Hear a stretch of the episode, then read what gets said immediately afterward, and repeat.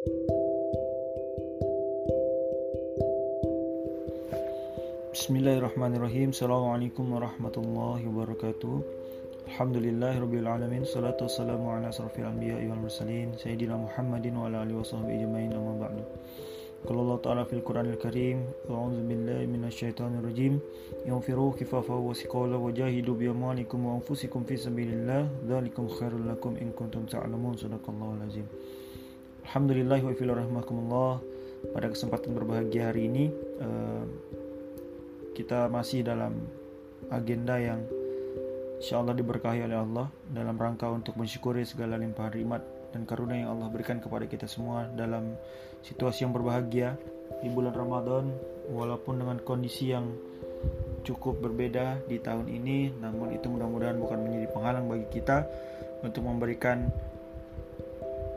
amalan ibadah terbaik dari sekian Ramadan yang pernah kita lewati. Semoga Allah mencatat semua amal kebaikan kita dan mudah-mudahan itu menjadi alasan turunnya pertolongan Allah atas semua musibah yang kita alami baik sebagai sebuah bangsa maupun sebagai umat manusia di muka bumi ini. Semoga apa pun yang kita dapatkan pada hari ini mampu kita syukuri, mampu kita ambil hikmahnya sehingga itu bisa menjadi energi untuk terus berbuat baik agar terus berdakwah dalam kondisi apa pun, dalam kondisi yang bagaimanapun, dengan siapa pun dan juga kapan pun juga kita bisa berbuat baik di lingkungan sekitar kita. Kedua kalinya salawat serta salam semua tetap curahkan junjungan kita Nabi besar Nabi Muhammad Sallallahu Alaihi Wasallam yang telah memberikan contoh dan teladan bagaimana memulai jalan dakwah, bertahan di atasnya dan mewariskan semangatnya kepada generasi setelahnya bahkan kepada kita hingga hari ini. Semoga kita semua istiqomah menjadi pengikut beliau hingga akhir hayat kita. Amin ya rabbal alamin. Ya pertama-tama Anda mengucapkan terima kasih kepada panitia yang sudah memberi Anda kesempatan untuk bisa menyampaikan pesan-pesan kebaikan dalam momentum pesantren Ramadan pengurus wilayah kami Kaltim Kaltara yang bertemakan tetap produktif di bulan Ramadan. Adapun pada kesempatan kali ini uh, ada dua poin besar yang akan Anda sampaikan. Yang pertama kita akan berbicara tentang tips dan cara produktif di bulan Ramadan dan yang kedua nanti kita akan coba sedikit belajar dari sirah bagaimana momentum Ramadan yang memberikan banyak keberkahan bagi umat Islam kita semua. Baik, Allah langsung saja kita masuk yang pertama untuk tips dan cara produktif di bulan Ramadan itu ada beberapa poin yang nanti saya coba sampaikan. Poin yang pertama, kita akan coba kembali mengingat momentum-momentum dahsyat yang ada di bulan Ramadan ini. Bismillahirrahmanirrahim. Bulan Ramadan merupakan salah satu momentum dari sekian banyak momentum yang seharusnya bisa kita manfaatkan sebaik mungkin untuk memberikan persembahan amalan terbaik kita selama kita hidup di dunia sebagai bekal kita untuk menuju akhirat sebagai momentum kita pula untuk bisa membuktikan keimanan yang telah kita benarkan dalam hati dan kita ucapkan dengan lisan. Maka ini adalah sebaik-baiknya waktu untuk bisa membuktikan dalam setiap perbuatan-perbuatan yang kita lakukan. Nah, rahimahumullah berdasarkan buku yang ditulis oleh Ustadz Solihin Abu Izuddin yang bertemakan Ramadan, beliau menyampaikan bahwa bulan Ramadan memiliki beberapa momentum-momentum dahsyat. Di antaranya yang pertama adalah momentum kita untuk berdoa. Sebagaimana dalam hadis yang diriwayatkan oleh Ibnu Majah bahwa doanya orang yang sedang berpuasa ketika berbuka itu merupakan salah satu doa yang mustajab yang saya tidak akan tertolak doanya. Maka ini menjadi momentum yang sangat penting, sangat berperan dalam menghadapi masa-masa sulit yang hari ini kita sedang alami.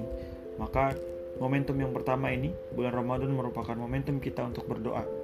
Maka murnikan kembali doa-doa kita, persiapkan kembali doa-doa kita agar kita bisa menggunakannya sebaik mungkin untuk kebaikan kita secara pribadi maupun kebaikan kita sebagai manusia secara umum.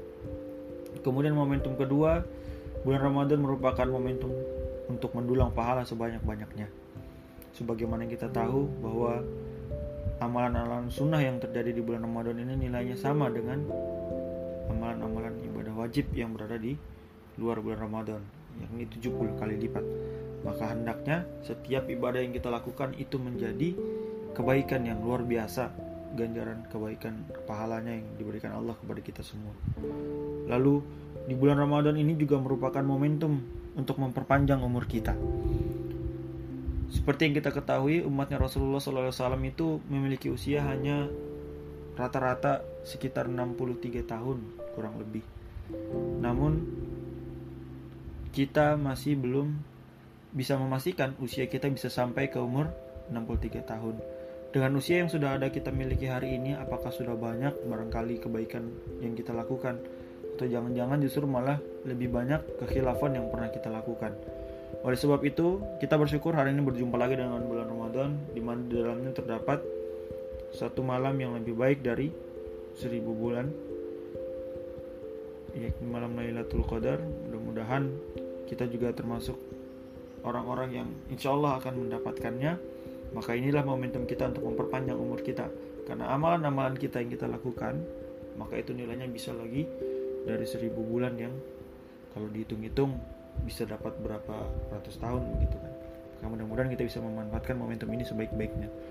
Kemudian wa rahmakumullah bulan Ramadan juga merupakan momentum untuk memperoleh ampunan memperoleh maghfirah dari Allah Subhanahu wa taala. Jadi mulai dari kita berpuasa qiyamul sampai kita ikhlas menjalankan semua ini karena Allah maka insya Allah dosa-dosa kita pun akan diampuni oleh Allah Subhanahu wa taala lalu kemudian. Momentum selanjutnya adalah momentum kita untuk bisa menerapkan syariat yang Allah berikan kepada umat manusia. Oleh sebab itu, jangan sampai kita menyanyikan waktu-waktu yang ada di bulan Ramadan ini agar bisa tetap memaksimalkan setiap kegiatan-kegiatan kita tuh menggambarkan bagaimana nilai-nilai Islam di dalam kehidupan kita. Maka syariah Islam bisa dapat kita saksikan dengan baik di bulan Ramadan ini bagaimana kemudian aktivitas ibadah kuantitasnya meningkat, begitu juga dengan kualitasnya.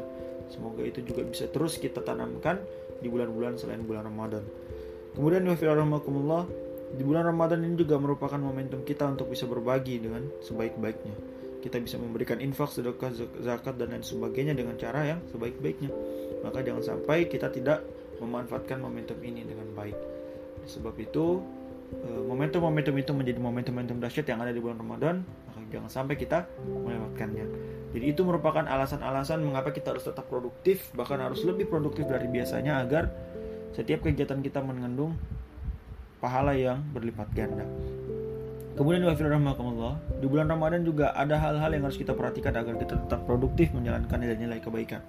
Pertama kita harus melaksanakan uh, muhasabah, di mana momentum-momentum di bulan Ramadan ini banyak sekali waktu yang kita miliki untuk bisa merenung, untuk bisa merefleksi dan mengkontemplasi diri. Sejauh apa kita melakukan kebaikan atau sejauh apa ternyata hari ini kita masih mengamalkan maksiat-maksiat yang tersembunyi dari orang lain dan Allah tutup aib kita dengan rapat. Oleh sebab itu maka tingkatkan kuantitas dan kualitas muhasabah kita dalam setiap sholat kita. Maka kita akan terus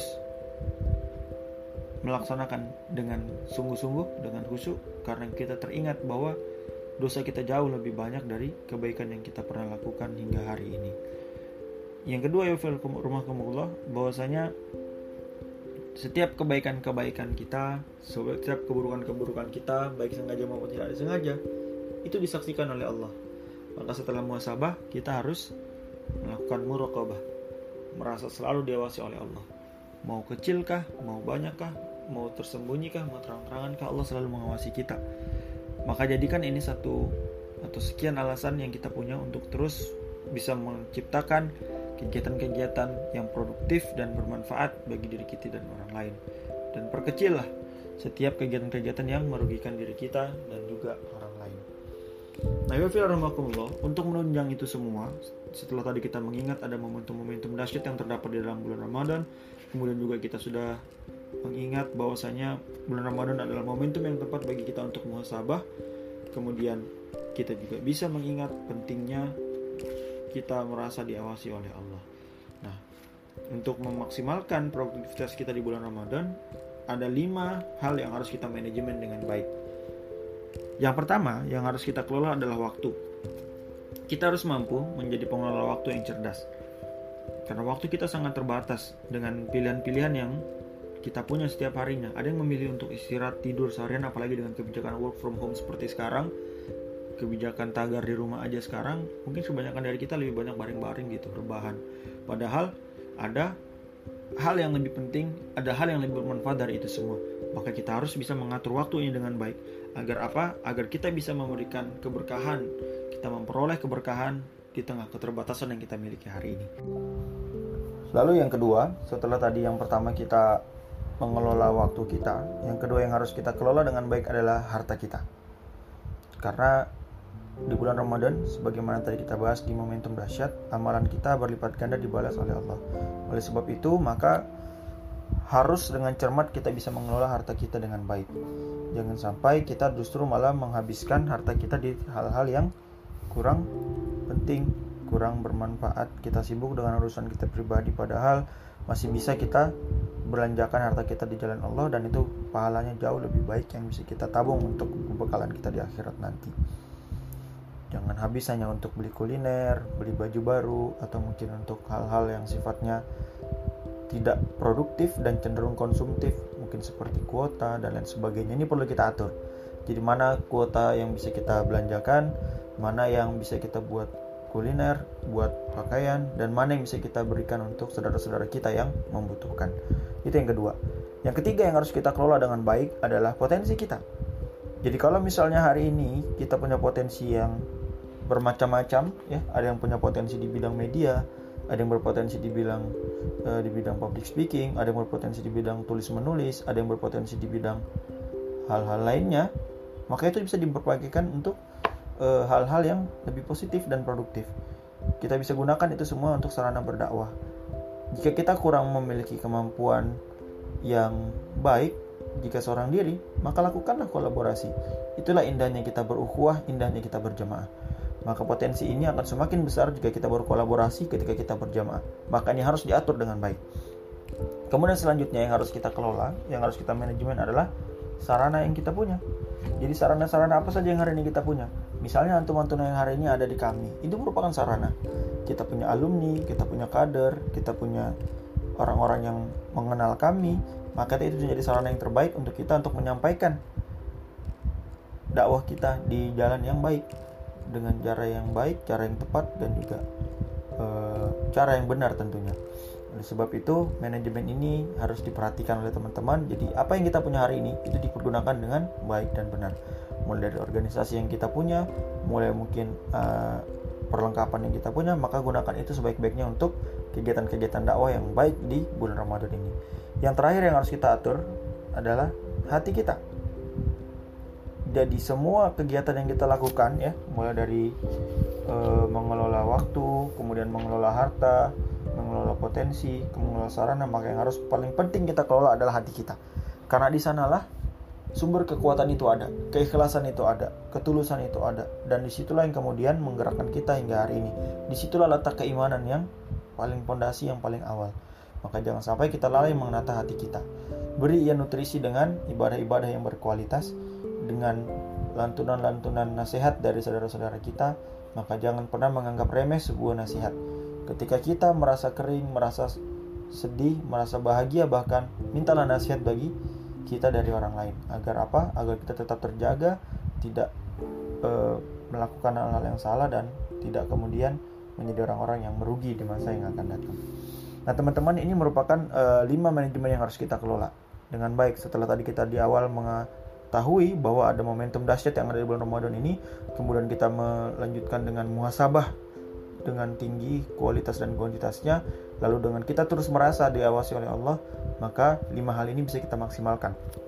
Kita kemudian bisa mengatur waktu kita, mengatur harta kita, mengatur potensi kita, mengatur sarana kita, dan mengatur hati kita. Nah, kemudian mengapa kita lakukan itu semua? Karena kita memiliki target-target tentunya dalam bulan Ramadan ini. Kenapa kita harus produktif? Karena kita punya target. Nah, oleh sebab itu ada lima target yang harus kita penuhi. Yang pertama, yang harus kita kokohkan ketika bulan Ramadan ini adalah akidah kita. Mari kita berhijrah dari yang baik menjadi lebih baik, yang belum baik menjadi baik dan seterusnya. Jadi ini kemudian menjadi hal yang paling penting, yang paling awal. Jadi akidah kita harus benar-benar kita kokohkan sekokoh-kokohnya. Karena ini menjadi pondasi awal dari uh, keberlangsungan amal-amal kebaikan kita ke depan. Maka teman-teman kita yang mungkin dulunya belum memiliki uh, kebaikan dan hari ini mereka berhijrah, maka didampingilah mereka, berkawanlah dengan mereka. Bersabarlah menasihati mereka karena mereka sedang berproses. Begitu juga dengan diri kita. Ya, uh, proses hijrah itu dengan santun, dengan sungguh-sungguh agar bisa mencapai hal yang baik. Kemudian yang kedua, target setelah tadi kita kokohkan akidah dengan hijrah, yang kedua adalah kita memantapkan hubungan kita dengan Allah. Dengan apa? Dengan memaksimalkan ibadah yang kita punya. Maka target kita yang kedua ini merupakan penguatan hubungan kita dengan Allah. Dengan apa? Dengan ibadah-ibadah yang kita lakukan, baik yang wajib maupun yang sunnah. Yang ketiga yang harus kita lakukan adalah memantapkan hubungan kita sesama manusia.